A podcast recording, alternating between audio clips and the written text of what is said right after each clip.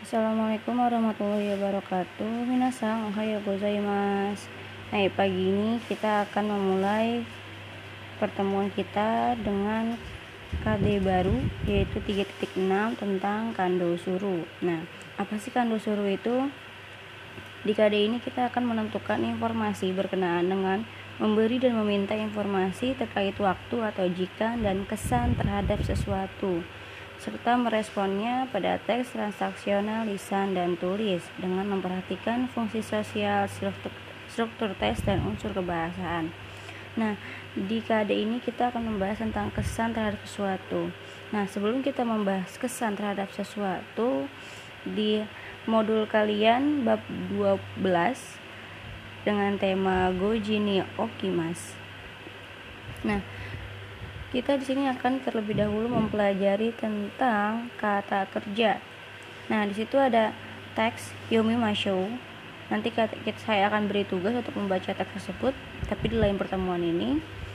Untuk yang B itu kotoba. Nah, ini adalah kotoba-kotoba yang biasa dipakai dalam sebuah kalimat tentang jika atau waktu. My Asa setiap pagi, My Hiru setiap siang, My Bang setiap malam, My Nichi setiap hari, Kesa tadi pagi, Kongbang malam ini, Asa pagi, Hiru siang, Yoru malam, Yasumi libur atau istirahat, Hiru Yasumi istirahat siang. Nah, untuk bagian C yaitu kata kerja. Nah, kata kerja atau verba adalah penggolongan kata yang menjelaskan suatu tindakan, keberadaan, pengalaman atau penjelasan lainnya. Nah, dalam bahasa Indonesia, kata kerja memiliki beberapa macam perubahan. Misal, kata dasarnya adalah pakai. Dalam kata kerja bisa diubah menjadi dipakai, memakai, berpakaian, Nah, itu kan bisa berganti-ganti ya. Contoh saya makan nasi. Makan, makan, dimakan, memakan. Ya kan? Bisa berubah-ubah. Nah, begitu juga dalam bahasa Jepang.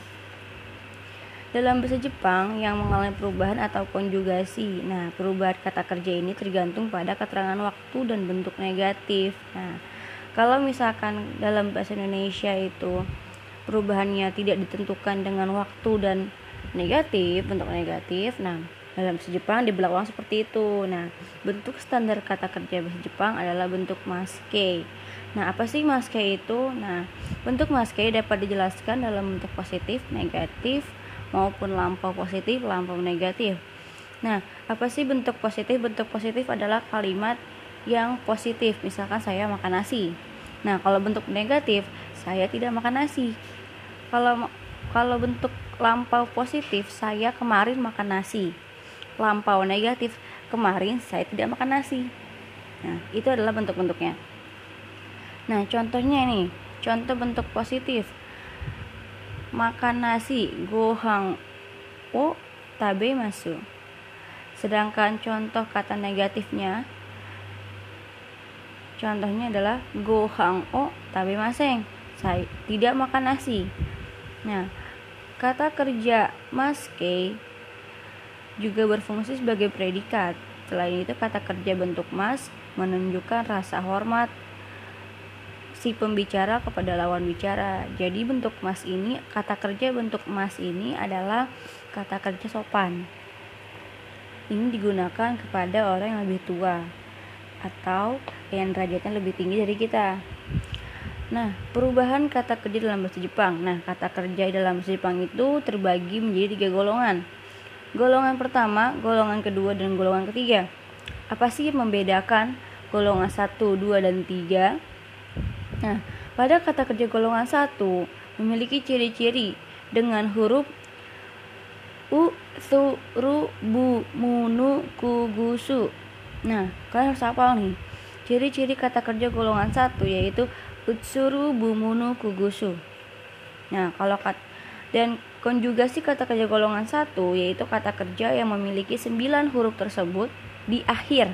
Nah, jadi kalau ada kata kerja yang akhirannya u, su, ru, bu, munu, kugusu. Jadi kata kerja yang diakhiri dengan 9 huruf tersebut diubah dalam bentuk mas berbentuk i. Nah, kalau golongan kedua gak kayak golongan satu. Golongan dua cuma ada dua ciri yang mencirikan bahwa kata kerja itu adalah golongan kedua. Apa sih ciri-cirinya? Nah, eru dan iru. Kata kerja yang berakhiran eru dan iru adalah ciri-ciri golongan dua. Nah, kalau golongan tiga, ciri-cirinya lebih dikit lagi. Bukan dikit jumlahnya, tapi lebih dikit kata kerja yang diakhiri dengan kata golongan ketiga. Nah, apa sih ciri-cirinya? Suruh dan guru. Sebenarnya yang menggunakan kata kerja golongan tiga ini sedikit. Cuma ada, cuma sedikit. Lebih sedikit daripada golongan satu dan dua yang diakhiri dengan kata suruh dan kuru. Jadi kalau kalian melihat ada kata kerja di kamus yang akhirannya suruh dan kuru, berarti dia kata kerja golongan tiga. Nah, yang kita akan bahas di pertemuan ini adalah kata kerja golongan satu. Nah, tadi kita sudah bahas kata kerja golongan satu diakhiri atau ciri-ciri kata kerja yang akhirannya u, tu, ru, bu, mu, nu, ku, ku, su Nah, sembilan kata akhir atau huruf akhir dari ciri kata kerja golongan satu. Apa sih contohnya? Contohnya au, motsu, kairu,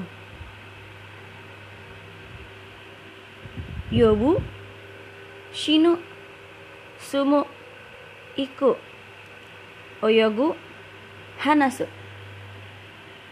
Nah, Gimana caranya kata-kata kerja yang tadi dirubah ke bentuk kata kerja mas? Nah, lihat contohnya di kata kerja golongan satu. Kata kerja, nah kata dasar dalam bahasa Jepang disebut kata kamus, bentuk kamus. Jadi kalau dalam bahasa Indonesia disebut kata dasar, kalau dalam bahasa Jepang biasa disebut bentuk kamus kata kerja bentuk kamus berarti kata dasarnya kata awal tuh apa sebelum dirubah ke bentuk mas atau bentuk lainnya nah kata kerja bentuk kamus tadi saya sebutin au jika mau diganti ke bentuk mas ke bentuk masu atau kata kerja sopan. Jadi ai mas. Dilihat di contohnya kata au diganti menjadi ai mas. Apa sih yang dirubah? Adalah huruf terakhirnya. Huruf u yang ada di kata kata bentuk kamus kata kerja bentuk kamus u nya itu diganti menjadi i ai mas. Kalau motsu menjadi mochi mas. Kalau kairu ru nya jadi kairi. Yobu diganti i jadi yobi. Shinu jadi sini sumu jadi sumi iku jadi iki oyogu jadi oyogi hanasu menjadi hanasi belakangnya karena ini bentuk mas semuanya mas oimas mochimas kaerimas, yobimas, sinimas, sumimas, ikimas, oyogimas, hanasimas. Nah, kata kerja golongan satu juga dapat dianalisis dengan dengan memperhatikan huruf terakhir sebelum mas. Apabila diakhiri dengan huruf pada baris kolom i, menandakan kata kerja tersebut merupakan golongan satu. Misal, kalian harus mencari kata kerja yang sudah dibentuk menjadi bentuk mas, diganti kembali atau dirubah kembali menjadi kata kerja bentuk kamus. Nah, gimana cara gantinya atau gimana cara nebak, oh ini kata kerja golongan satu nih, oh kata dasarnya ini. Dilihat dari akhir huruf pada baris kolom i-nya. Kayak tadi, aimas, oh i-nya nih. I-nya itu di sini ai mas berarti kata dasarnya au mas atau au. Nggak pakai mas ya karena kata dasar bentuk kamus. Au berarti diganti jadi aimas karena rumusnya dari kata kerja golongan satu jika mau diganti menjadi bentuk mas atau kata kerja bentuk mas semua sembilan huruf yang tadi saya sebutkan utsuru bumunu kugusu semuanya diganti i. Jadi u jadi i su jadi ci ru jadi ri bu jadi bi nu jadi ni mu jadi mi ku jadi ki gu jadi gi su jadi si Nah, contohnya udah deh nih. Utsuru bubunu kugusu. Au jadi ai, motsu jadi mochi, kaeru jadi kaeri. Nah, belakangnya sama, mas semua. Jadi jadi au jadi ai mas, motsu jadi mochi mas, kaeru jadi kaeri mas, yogu yobu jadi yobi mas, sinu jadi sini mas, sumu jadi sumi mas, iku jadi iki mas, Oyogu jadi oyogi mas, hanasu menjadi hanasi mas. Yang perlu dicatat dari penjelasan saya ini adalah pertama, ciri kata kerja golongan satu. Apa aja ciri-cirinya?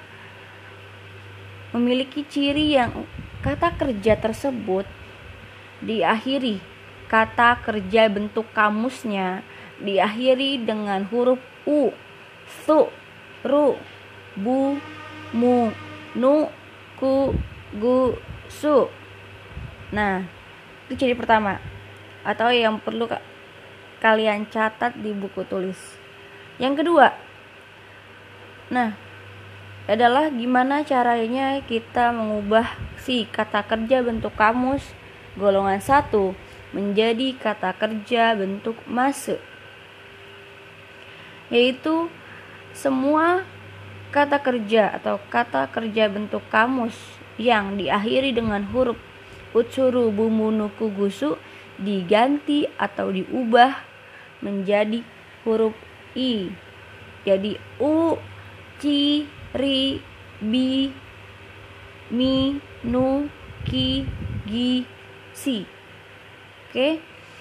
Jadi setiap kalian melihat atau kalian melihat di suatu bacaan textbook yang ada tulisan aimas oh berarti ini kata kerja golongan satu. Dia diganti dengan i aimas nah oh ini mochi mas nih. Diganti i si di kata ciri-cirinya di ci. Oh dia i nih sebelum kata masu dia akhirannya i mochi mas i. Berarti kan dia kata kerja golongan satu.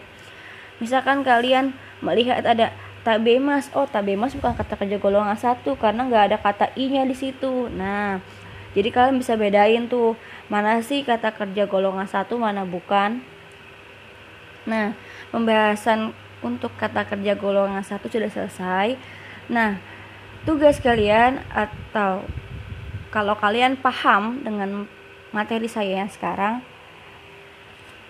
kalian cari tiga kata kerja tiga kata kerja bentuk kamus menjadi kata kerja bentuk masuk jadi ini dalam kolom komentar kalian tulis contoh satu misalnya nih ya yang ada di sini ada au bentuk satu nomor satu bentuknya au sama dengan aimasu nomor dua motsu sama dengan mochimas. Nomor tiga oyogu sama dengan oyogimas. Nah, kayak gitu ya. Tiga, tiga kata kerja bentuk kamu silahkan kalian cari di mana aja, tapi tidak dari modul yang sudah ada contoh di kata kerja golongan satu. Jadi yang ada di kata kerja golongan satu penjelasannya dari utsuru bumunu kugusu o au motsu kaeru yobu sinu sumu iku oyogu hanasu. Tidak ada yang boleh pakai itu. Cari lagi yang lain dan tidak boleh sama. Jadi kalau mau buat contoh lihat dulu temennya udah udah dipakai atau belum contohnya. Jadi nggak boleh sama ya satu orang tiga. Jadi kalian lihat dulu kalau mau komentar atau mau bikin contoh lihat contoh temennya. Udah ada belum? Udah dipakai atau belum? Oke? Okay? kalau ada yang ngerti silahkan tanya di kolom komentar. Silahkan PC saya. Atau kalian boleh tanya di grup jika kalian belum paham dengan apa yang saya minta silahkan tanya di situ. Oke sekian materi dari saya untuk pertemuan ini. Hai kode dewa karimastaka ja ijo desmata raishu assalamualaikum warahmatullahi wabarakatuh